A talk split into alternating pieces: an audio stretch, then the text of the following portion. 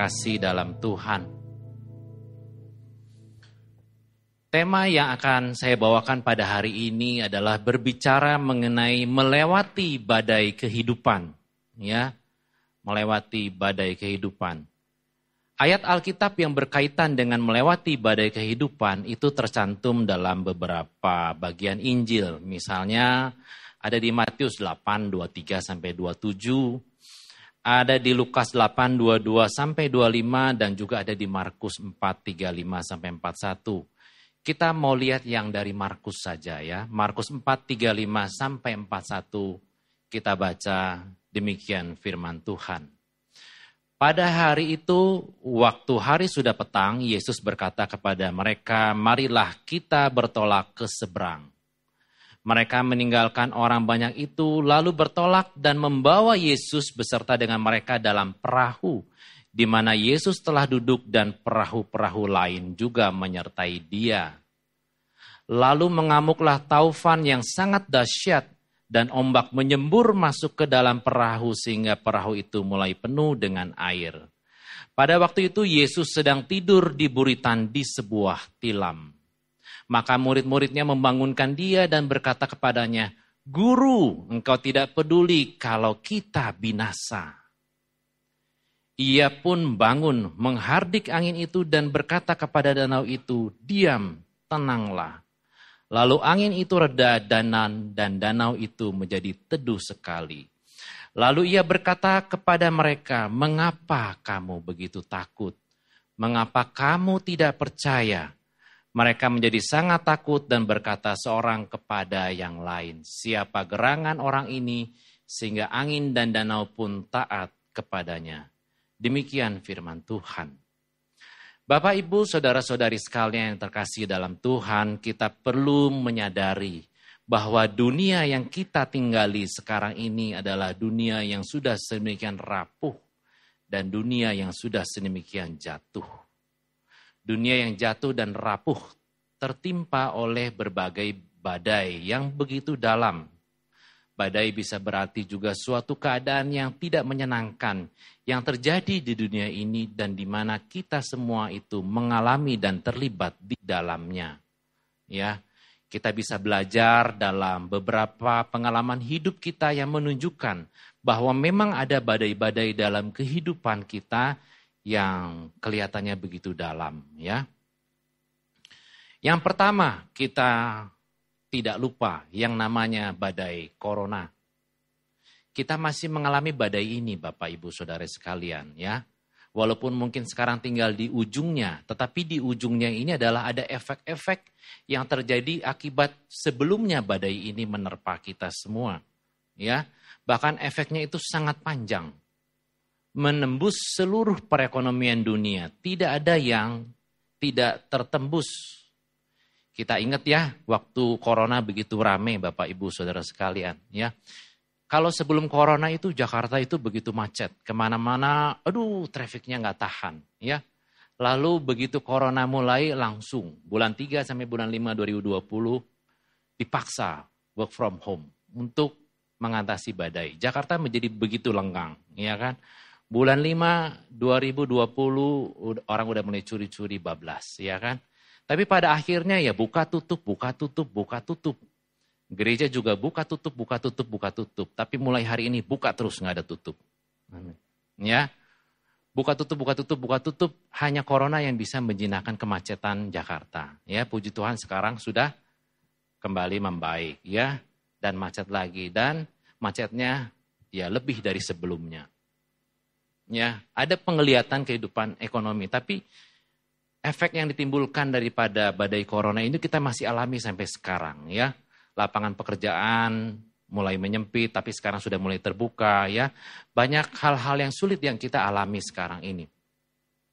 Indonesia masuk ranking 20 dunia soal terinfeksi virus corona ya. Ranking 20. Kalau di dunia pada saat tulisan ini saya buat sudah lebih dari 624 juta kasus dengan kematian 6,5 juta. Maka di Indonesia sudah lebih dari 6,4 juta kasus dengan kematian 158 ribu lebih. Ya, masuk ranking 20 dunia. soal terinfeksi virus corona. Dua setengah tahun lebih, mungkin nanti sampai Maret tahun depan menjelang tiga tahun. Kita harus pakai masker ke sana ke sini. Di sini kita belajar, walaupun kita berada dalam badai kehidupan, kita belajar bahwa Tuhan itu menjagai kita begitu sempurna. Lebih daripada yang dapat kita syukuri, Tuhan menjaga kita sangat sempurna sampai hari ini. Kita masih bisa hidup, bisa bernafas, bisa kongko sama teman, bisa bekerja, ya kan? Itu menandakan penjagaan Tuhan yang sempurna untuk Bapak, Ibu, dan saya. Beberapa dari kita jemaat terkena badai corona yang begitu dalam, ya kan? Yang masuk rumah sakit dan seterusnya, tapi Tuhan tolong. Dan Tuhan bantu kita melewati badai yang begitu dalam ini. Puji Tuhan, God is good. Amin. Kalau di perjanjian lama, ya nyambung khotbah Pak Mak kemarin, ya itu orang akan merasa terkena badai kehidupan itu kalau orang tuh didiagnosis sakit kusta. Yang kala itu tidak ada obatnya. Dan sebab kala itu tidak ada teknologi yang begitu baik seperti saat ini untuk mendeteksi apakah itu seseorang kena kusta atau sakit kulit biasa itu tidak clear, tidak jelas. Tetapi penampakan luarnya adalah kusta. Dan orang yang penampakan luarnya adalah kusta itu mustahil untuk sembuh.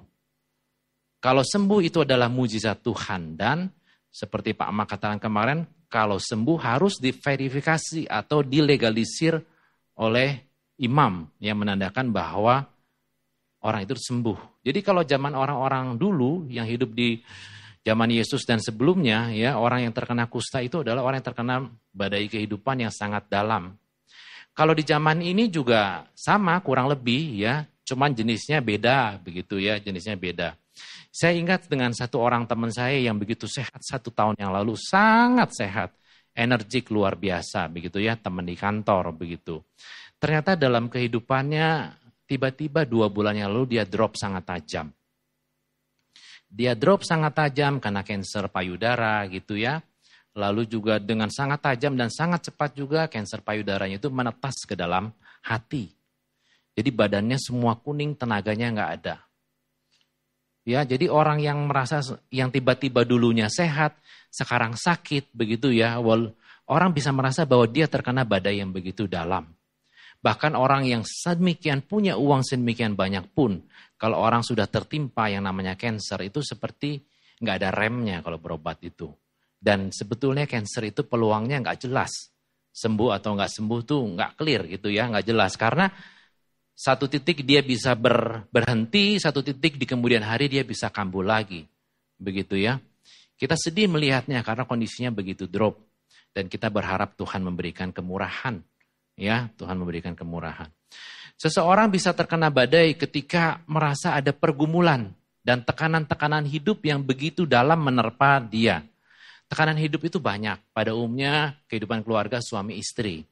Sebagai pelayan Tuhan, saya banyak eh, mendengarkan ya, mendengarkan cerita daripada keluarga yang dalam tanda kutip ada persoalan begitu. Saya banyak mendengar ya banyak mendengar dan banyak memberikan advice begitu ya. Ada juga yang karena tekanan di dalam pekerjaan begitu ya, itu begitu hebat menerpa orang. Ya sehingga dia berada dalam pressure begitu. Dia merasa oleng. Perlu Bapak Ibu ketahui kalau kita berkaca, kita ber, bekerja di zaman now dengan kita bekerja 10 tahun yang lalu itu tingkatannya lain. Kalau sekarang kita bekerja itu seolah-olah bisa mengalir tanpa henti. Kalau zaman 30 tahun lalu saya ingat ketika saya masih 10 tahun, eh, 35 tahun lalu saya masih ingat saya masih 10 tahun. Kalau untuk bikin pekerjaan pembukuan accounting satu perusahaan kecil itu harus dikerjakan oleh beberapa orang. Sebab masih pakai buku manual waktu itu buku garis-garis gitu. Ya. Tapi kalau sekarang untuk satu perusahaan manufaktur yang begitu besar, pekerjaan accounting bisa dilakukan satu atau dua orang pressure-nya itu udah lain, dunianya itu udah lain ya. Sehingga orang berada dalam tekanan yang sangat tajam begitu ya. Karena kemajuan teknologi juga ada sisi positif, ada sisi negatif begitu ya. Seseorang bisa terkena badai ketika pasangan hidupnya dalam tanda kutip yang paling sering ya menyakitkan hatinya. Itu sering. Ya, saya sering mendengar dan saya sering ada konseling mengenai hal itu, soal pasangan hidup yang begini, begitu, dan seterusnya seseorang merasa tertekan ada badai di dalam hidupnya. Paling sering adalah ketika orang merasa perekonomiannya tidak cukup untuk bisa mengcover kebutuhan hidup dia. Iya kan? Orang juga merasa terkena badai ketika orang tersebut ditipu oleh seseorang padahal dia tidak melakukan sesuatu misalnya namanya dipinjam lalu dia terjerumus ke dalam urusan legal sana sini sana sini padahal dia tidak tahu apa-apa dia masuk ke dalam badai kehidupan itulah badai kehidupan tapi masih ada satu lagi yang paling penting bicara soal badai kehidupan seseorang bisa terkena badai kehidupan ketika seseorang belajar dan berusaha untuk menanggalkan kehidupan lama kepada kehidupan baru yang seturut dengan kehendak Tuhan, maka dimungkinkan ada badai kehidupan yang terjadi. Itu pasti. Sebab perjuangan untuk menanggalkan manusia lama itu pasti sulit dan sangat sulit. Saudara biasa makan pakai tangan kanan, disuruh rubah pakai tangan kiri. Sulit. Itu hal yang gak kelihatan, itu hal yang kelihatan. Apalagi hal yang tidak kelihatan. Saudara dulu percaya kepada Kristennya separoh-separoh, sekarang benar-benar bertekad percaya kepada Tuhan, saudara mau berubah, menanggalkan kedagingan, menanggalkan apa yang kurang baik, menuju kepada hal-hal yang lebih baik, karakter yang lebih serupa dengan Tuhan, itu saudara pasti akan masuk dalam badai kehidupan. Sebab kedagingan itu akan melawan meronta, begitu ya. Contoh paling sederhana adalah Rasul Paulus. Rasul Paulus itu orang pinter, orang keren, begitu ya, punya kuasa. Ketika dia beralih kehidupannya dari seorang pemburu murid-murid Tuhan, memenjarakan, begitu ya, menangkap, memenjarakan, beralih menjadi pewarta kasih Tuhan, Injil kebenaran Tuhan, dia mengalami badai, dicemooh, mengalami kapal karam, disiksa, iya kan?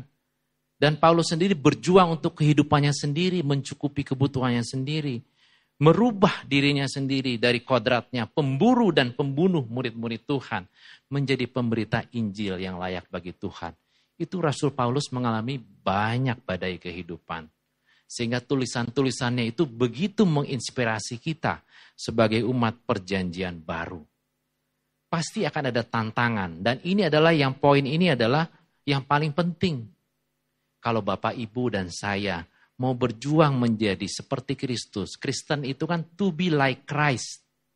Kristen itu tidak ada yang lain, hanya to be like Christ. Menjadi seperti Kristus.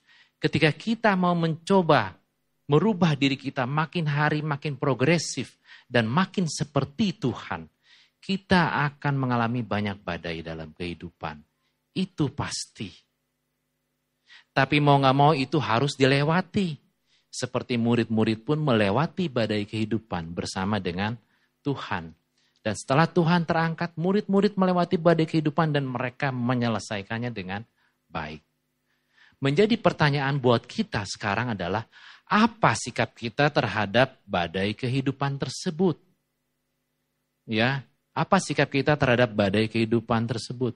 Yang pertama, sikap orang adalah kadang-kadang, oh dan sering kali Orang itu lari dari kenyataan bahwa ia sudah berada dalam badai kehidupan. Orang lari. Orang tidak mau peduli. Orang tidak mau pusing. Begitu ya. Dan orang bersikap masa bodoh. Kumaha engkewae gitu. Ya, itu sikap yang pertama. Ada orang-orang yang lari dari permasalahan yang ada walaupun mungkin masalah itu timbul bukan karena dia yang menyebabkannya tapi dia dijebloskan orang sehingga masalah itu timbul. Lari, kalau bisa lari dulu. Yang kedua adalah kadang-kadang orang bukan lari, tapi masa bodoh. Cuek bebek. Jadi masuk, ya sudah, masuk saja ke dalam badai, tidak ada persiapan. Kumaha engke, iya kan? Lari.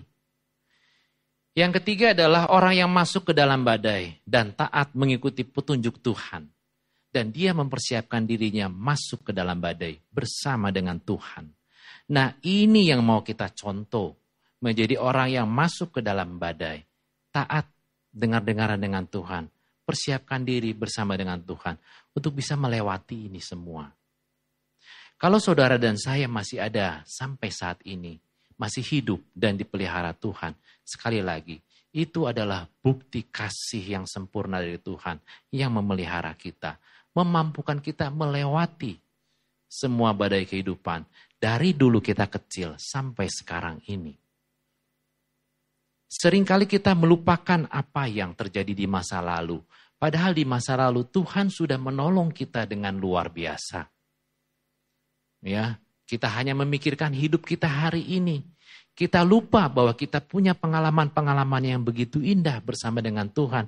Dan Tuhan meluputkan kita semua.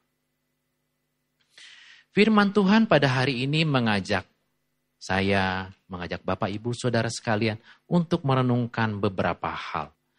Yang pertama yang menjadi perenungan kita adalah kita tidak tahu apa di depan yang menghadang kita.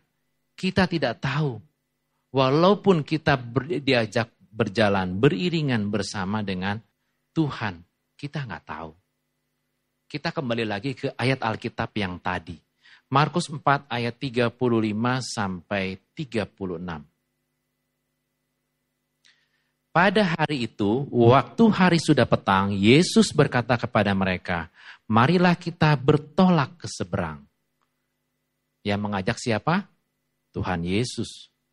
Mereka meninggalkan orang banyak itu lalu bertolak dan membawa Yesus beserta dengan mereka dalam perahu di mana Yesus telah duduk dan perahu-perahu lain juga menyertai dia. Yang mengajak Yesus. Yesus yang mengajak dan mereka mengundang Yesus masuk ke dalam perahu mereka beserta dengan mereka. Namun ternyata Tuhan Yesus yang diundang masuk ke dalam perahu, ternyata masalah-masalah masih timbul dan bukan perkara yang mudah, ya. Juga untuk saudara dan saya. Sebab di masa depan kita orang percaya dimungkinkan juga mengalami taufan yang besar dan dahsyat. Markus 4 ayat 37. Lalu mengamuklah taufan yang sangat dahsyat. Lailaf megali animau. Badai berangin. Jadi badai berangin. Ya. Dan ombak, kumata, gelombang ombak begitu ya, menyembur masuk ke dalam perahu sehingga perahu itu mulai penuh dengan air. Perahu yang terisi air itu berbahaya untuk tenggelam. Ada intrusi dari luar masuk membahayakan penumpang dan perlu diingat perahu-perahu yang lain yang di sisi Yesus juga berada dalam bahaya. Kisah ini ditulis bahwa Tuhan Yesus mengajak mereka bertolak ke seberang di apa menyeberangi danau. Kalau saya melihat peta eh, peta Israel, saya melihat bahwa besar kemungkinan danau itu adalah danau Tiberias atau alias danau uh, apa namanya danau Galilea itu sama, danau Kinerot itu sama, ya. Yang memang kalau bentangan paling panjang, bentangan panjang terluas itu 13 kilo, bentangan lebar terluas itu 21 kilo, ya itu memang danaunya di situ. Besar kemungkinan mereka ada di danau itu. Sehingga kita tidak heran bahwa kenapa di danau bisa terjadi taufan, badai, dan gelombang. Sebab memang danaunya danau yang luas. ya Danau yang luas tempat di mana Yesus memang senantiasa berada di daerah tersebut. Kemungkinan di situ walaupun tidak ditulis. Sekali lagi bahwa perahu yang terisi air itu bahaya untuk tenggelam. Ya, Padahal Tuhan Yesus ada di situ dan seakan-akan Tuhan Yesus diamkan. Tuhan Yesus tidak bilang, hei air, begitu ya, kamu keluar, keluar dari perahu. Kan Tuhan Yesus nggak mengatakan demikian. Saya ingat seorang teman baik saya, ya, dia berkata ketika mau banjir, ya dia berdoa, hei air, jangan masuk, nggak boleh masuk. Dalam nama Yesus tidak boleh masuk. Teman baik saya bilang begitu, ya.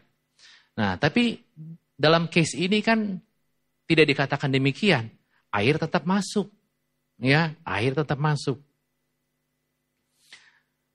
Badai berangin, gelombang ombak yang sangat besar, sangat membahayakan. Lalu kalau kita merenung-renungkan yang ada di situ, air tetap diizinkan Tuhan masuk. Ketika ada taufan, gelombang ombak yang begitu dahsyat dan besar tersebut, maka kita memiliki, memiliki sikap untuk kita pilih, ya kan? Apakah kita mau menggerutu, ngomel terus? Ketika badai kehidupan terjadi, apakah kita mau ngomel, bawel, nah, nah, nah, nah, nah, nah, nah. Kalau orang masuk dalam badai kehidupan, yang paling sering disalahkan adalah Tuhan. Itu paling sering. Tuhan kenapa begini, Tuhan kenapa begitu. Bukankah aku sudah begini, begitu, dan seterusnya. Ya paling dipersalahkan Tuhan. Ya sering orang berani menyalahkan Tuhan yang tidak kelihatan. Padahal Tuhan adalah pencipta semesta dan dunia ini. Kita bisa punya pilihan. Kita mau menyalahkan Tuhan atau kita mau duduk diam tenang bersama dengan Tuhan ketika taufan tersebut terjadi. Markus 4 ayat 38 berkata demikian. Markus 4 ayat 38. Pada waktu itu Yesus sedang tidur di buritan di sebuah tilam. Maka murid-muridnya membangunkan dia dan berkata kepadanya, Guru engkau tidak peduli kalau kita binasa. Binasanya saya cek dari teks AC Alkitab, Apolumeta atau Apolumi itu binasa, hancur, hilang secara jasmani hilang. Jadi murid-murid itu sedemikian takut bahwa mereka itu akan mati mati dirinya, mati jasmaninya, itu mereka takut. Ya. Mereka takut. Padahal sebelum kejadian ini terjadi, tentu mereka sudah mengikuti Tuhan di jauh-jauh hari sebelumnya. Dalam kesempatan itu pasti Tuhan mengajar, menyembuhkan, mengadakan mujizat. Begitu ya, pasti sebelumnya sudah ada. Tetapi kenapa ketika terjadi badai di danau ini mereka takut kehilangan jiwanya? apolumeta apolumi, kehilangan jasmaninya ya badannya. Dalam setiap badai kehidupan, Bapak Ibu dan saudara-saudari sekalian yang terkasih, sesungguhnya ada didikan Tuhan di situ. Ada didikan Tuhan yang harus kita jalankan. Pasti didikan Tuhan itu tidak mengenakan. Tidak selalu enak, ada bagian-bagian yang tidak enak. Tapi pasti memberi hasil dan efek yang baik di masa yang akan datang. Seorang siswa yang belajar gitu ya, belajar itu nggak enak. Karena harus bertekun di meja kotret-kotret begitu ya. Tulis-tulis, ya, lalu membaca, menyalin begitu. Mendengarkan gurunya, itu belajar tuh nggak enak. Ya, tetapi ketika yang nggak enak itu kita mau lakukan dengan penuh ketulusan, penuh cinta, menjadi sesuatu yang menyenangkan. Menjadi sesuatu yang menghibur. Bagi saya sekolah adalah hiburan. Makanya saya tidak kepok sekolah terus, tapi kali ini sudah, udah nggak boleh lagi. Ya, sekolah itu enak, menyenangkan.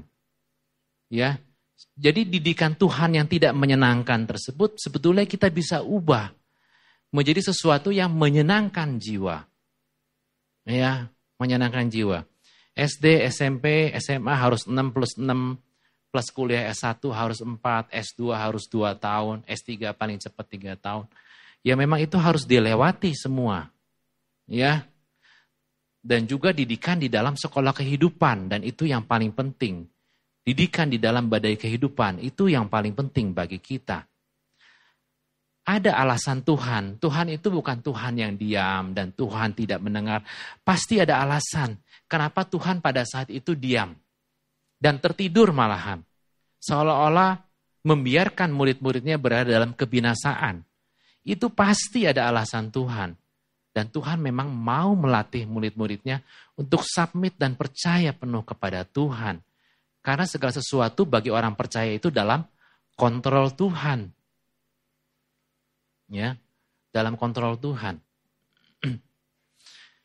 Saya ketika membaca Alkitab itu paling sening, paling sening, paling senang, paling senang itu saya itu melihat cerita soal cerita Yusuf. Ya, ketimbang cerita Daud itu saya paling senang tuh baca cerita Yusuf. Sebab Yusuf adalah orang yang dari mudanya itu lembut hatinya, saleh, begitu ya. Dan Yusuf bisa sedemikian itu karena pasti dia dididik oleh bapaknya Yakub. Ya. Saya sangat terkesan dengan jauh sangat terkesan dengan kisah Yusuf. Dimulai dari kejadian 37 misalnya Yusuf menjadi anak kesayangan papanya, dibenci oleh kakak-kakaknya, mau dibunuh, dijual kepada orang Ismail, dijual kepada Potifar, ya difitnah, masuk penjara dalam waktu yang tidak sebentar, lalu dikhianati oleh juru minum raja, akhirnya bisa menghadap raja menafsirkan mimpi raja Firaun dan diberikan kedudukan orang nomor dua di Mesir. Yusuf itu badai kehidupannya itu luar biasa, sangat tajam. Tapi dia bisa bertahan dalam polesan itu. Dan dia menjadi sesuatu yang sungguh berarti di hadapan Tuhan. Maukah kita bertahan untuk bisa melewati badai kehidupan. Dan kita lulus dalam ujian tersebut. Yusuf itu adalah orang yang berhasil dididik Tuhan. Karakternya luar biasa baik, nggak ada menyimpan dendam. Baik kepada juru minum maupun saudara-saudaranya yang menjual dia. Punya karakter yang kuat dalam Tuhan tidak punya hasrat berzina, begitu ya. Itu adalah contoh tipologi karakter Tuhan yang ada dalam diri Yusuf yang sebetulnya kesucian karakter yang bagus tersebut bisa kita tekuni, bisa kita lihat, bisa kita contoh. Orang biasa di luar Tuhan Yesus ada namanya Yusuf, punya karakter Tuhan. Jadi kita orang percaya punya karakter Tuhan bisa apa enggak? Bisa. Asal kita mau lulus dalam didikan Tuhan. Ya, kita mau lulus dalam didikan Tuhan. Pasti Yusuf dididik oleh Yakub karena Yakub juga berjuang di dalam kehidupannya bergumul bersama dengan Tuhan. Ya. Yang berikutnya adalah kita mau merenungkan bahwa percaya bahwa Tuhan akan bertindak tegas dan tepat pada waktunya. Kita lihat ayat Alkitab Markus 4 ayat 39 sampai 41. Ia pun bangun menghardik. Menghardik ini saya cek teks aslinya epitimesen dari epitemau. Membentak dengan ketegasan. Hardik memang bentak dengan ketegasan, betul. Menghardik angin itu dan berkata kepada danau itu, diam, tenanglah. Lalu angin itu reda dan danau itu menjadi teduh sekali. Lalu ia berkata kepada mereka, mengapa kamu begitu takut? Mengapa kamu tidak percaya? Mereka menjadi sangat takut dan berkata seorang kepada yang lain, siapa gerangan orang ini sehingga angin dan danau pun taat kepadanya. Sebagai orang percaya, kita sering kali tidak sabar. Kita sering kali tidak mau tunggu kapan waktu Tuhan. Untuk bersama-sama dengan Tuhan kita menyelesaikan badai kehidupan. Dan sering kali kita egois. Kita kasih proposal sama Tuhan. Tuhan kalau mau selesai bagusnya begini. Kita minta Tuhan mengikuti maunya kita. Padahal kita hambanya Tuhan, harusnya ikut maunya Tuhan. Kalau kita diizinkan mengalami badai kehidupan zaman sekarang ini, badai kehidupan itu tidak membuat kita menjadi kehilangan nyawa seperti yang terjadi di zaman para rasul, di mana nyawa itu menjadi taruhan ketika mereka mengikut Tuhan. Kalau Tuhan bisa menghardik angin dan danau, begitu ya, menandakan bahwa Tuhan itu berkuasa atas alam semesta dan segala isinya. Dan Tuhan yang kita sembah itu bukan Tuhan yang berdiam diri, membiarkan dan menunggu kita binasa. Tidak. Tuhan yang kita sembah itu Tuhan yang berotoritas.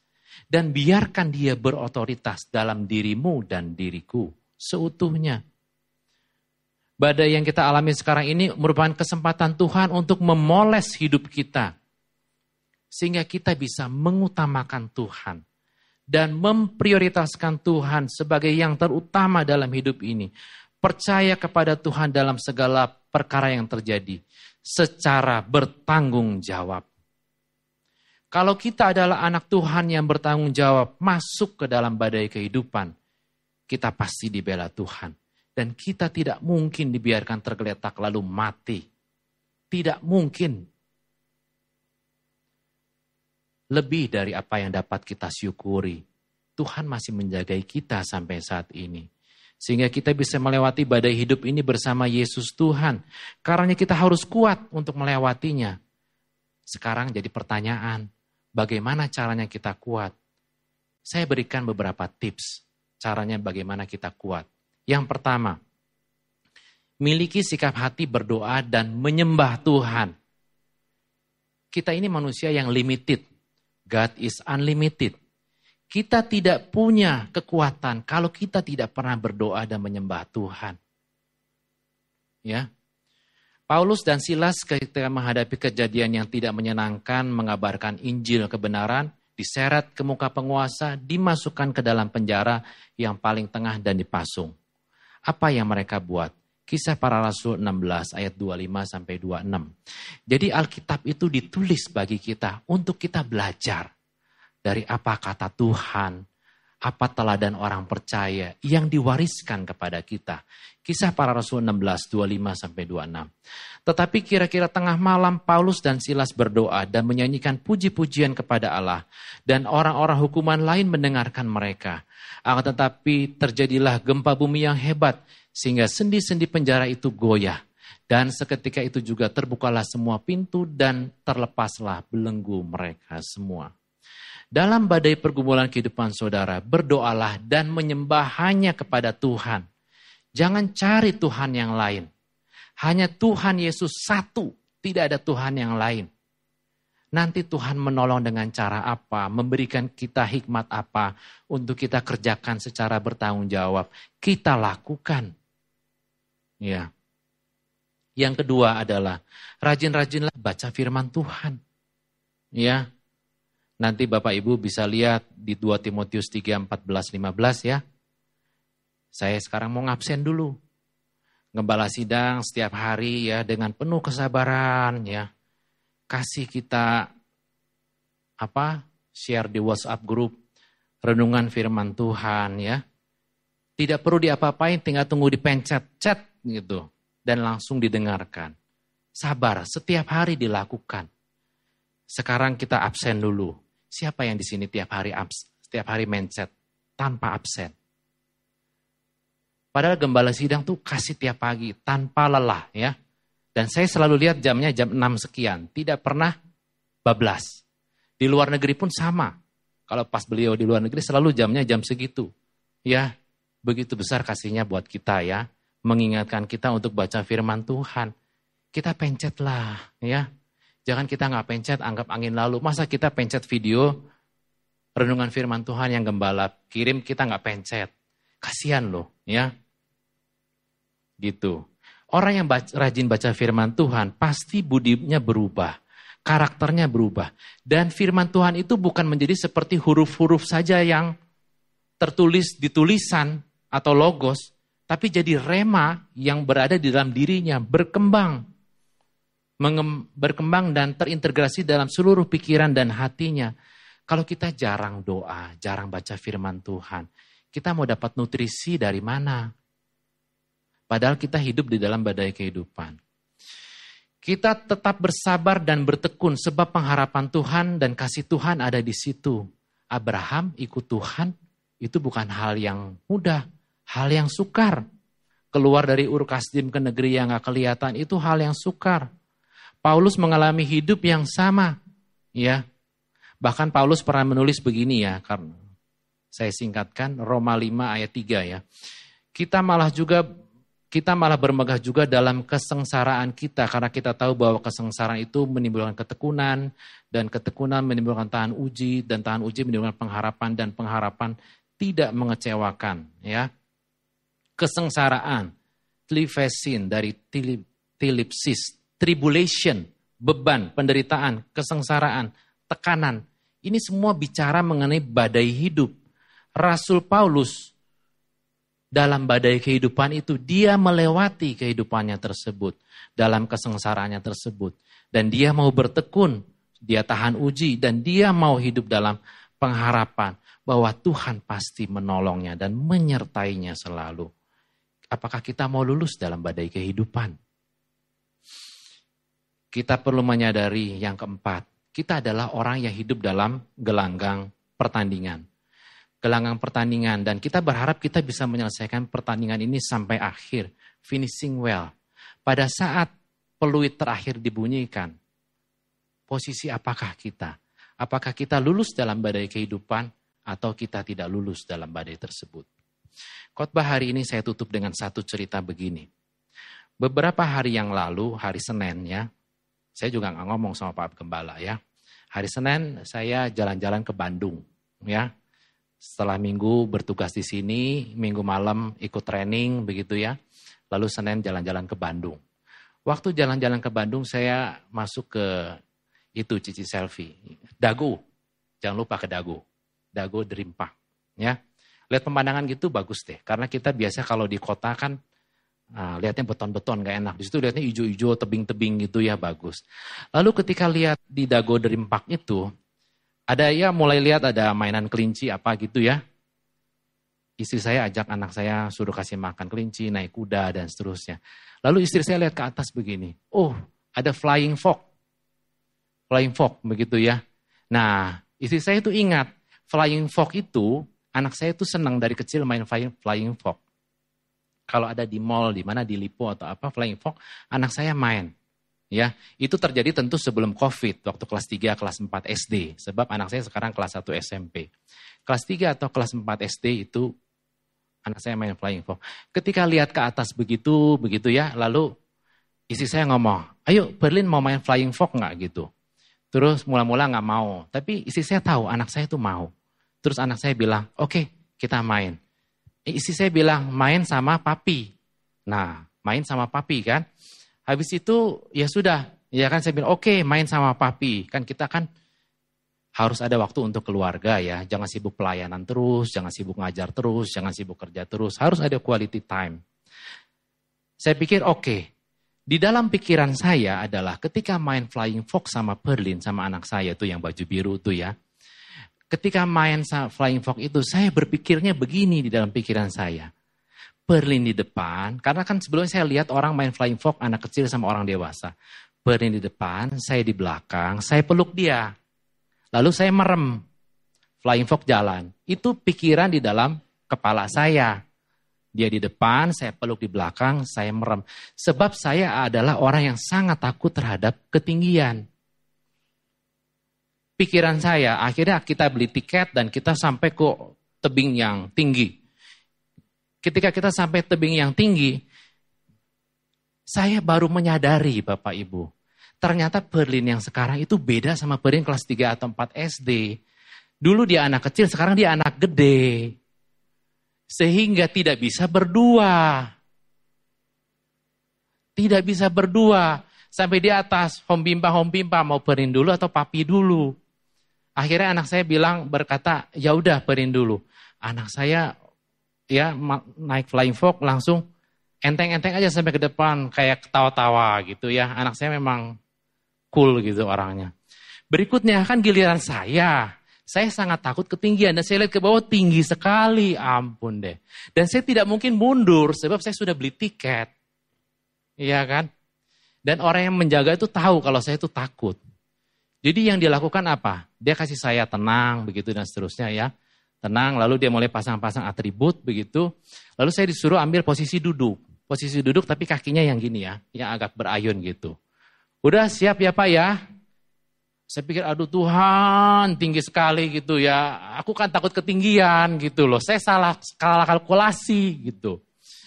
Akhirnya didorong sama orang itu. Satu, dua, tiga. Didorong dari ujung satu ke ujung yang lain ya. Saya sedemikian takutnya. Dan begitu refleks saya langsung bahasa roh kenceng sekali begitu. Kalau melihat videonya tanya boleh ini, tanya Pak Evan, saya kirim videonya. Dan istri saya kan nunggu-nunggu saya di bawah begitu ya, mau videoin gitu. Ketika dia lewat, ini ada cowok teriak kenceng kayaknya bahasa roh siapa gitu. Saya sedemikian takut begitu. Tapi dari situ saya belajar pengalaman. Ketika kita takut mengalami badai kehidupan ini, kita pegang Tuhan, kita bersuruh kepada Tuhan. Dan ada banyak hal yang mungkin kita tidak, sebetulnya kita tidak bermaksud demikian. Kita kecemplung. Tetapi kita yakin dan percaya, tangan Tuhan itu pasti memelihara kita dan menolong kita. Jadi kita mau bersama-sama ya Bapak Ibu, kita mau lulus dalam badai kehidupan ini. Kita mau beriringan dengan Tuhan selalu. Kita mau pegangan dengan Tuhan. Ketika kita nggak kuat, kita katakan, Tuhan aku mau pegang engkau. Aku mau melewati badai kehidupan ini dengan sempurna. Aku yakin dan percaya badai kehidupan ini pasti ada akhirnya. Pilihan di tangan Bapak Ibu. Apakah kita mau bertekun bersama dengan Tuhan, melewati badai kehidupan ini atau enggak? Tentu jawabannya adalah kita mau bertekun. Amin Bapak dan Ibu. Kiranya kebenaran ini membawa pembaharuan bagi kita dan memperbaiki karakter kita untuk kita semakin sungguh-sungguh di dalam Tuhan. Bersama dengan Tuhan, kita mampu melewati badai kehidupan yang ada. Haleluya. Amin. Bagi Bapak, Ibu, Saudara-saudari yang terpanggil untuk mendukung pelayanan GSKI Pluit dapat memberikan persembahan ke rekening BCA KCU Pluit dengan nomor 1686533388. Sekali lagi, 1686533388 atas nama GSKI Pluit. Terima kasih atas dukungan persembahan saudara. Tuhan Yesus memberkati.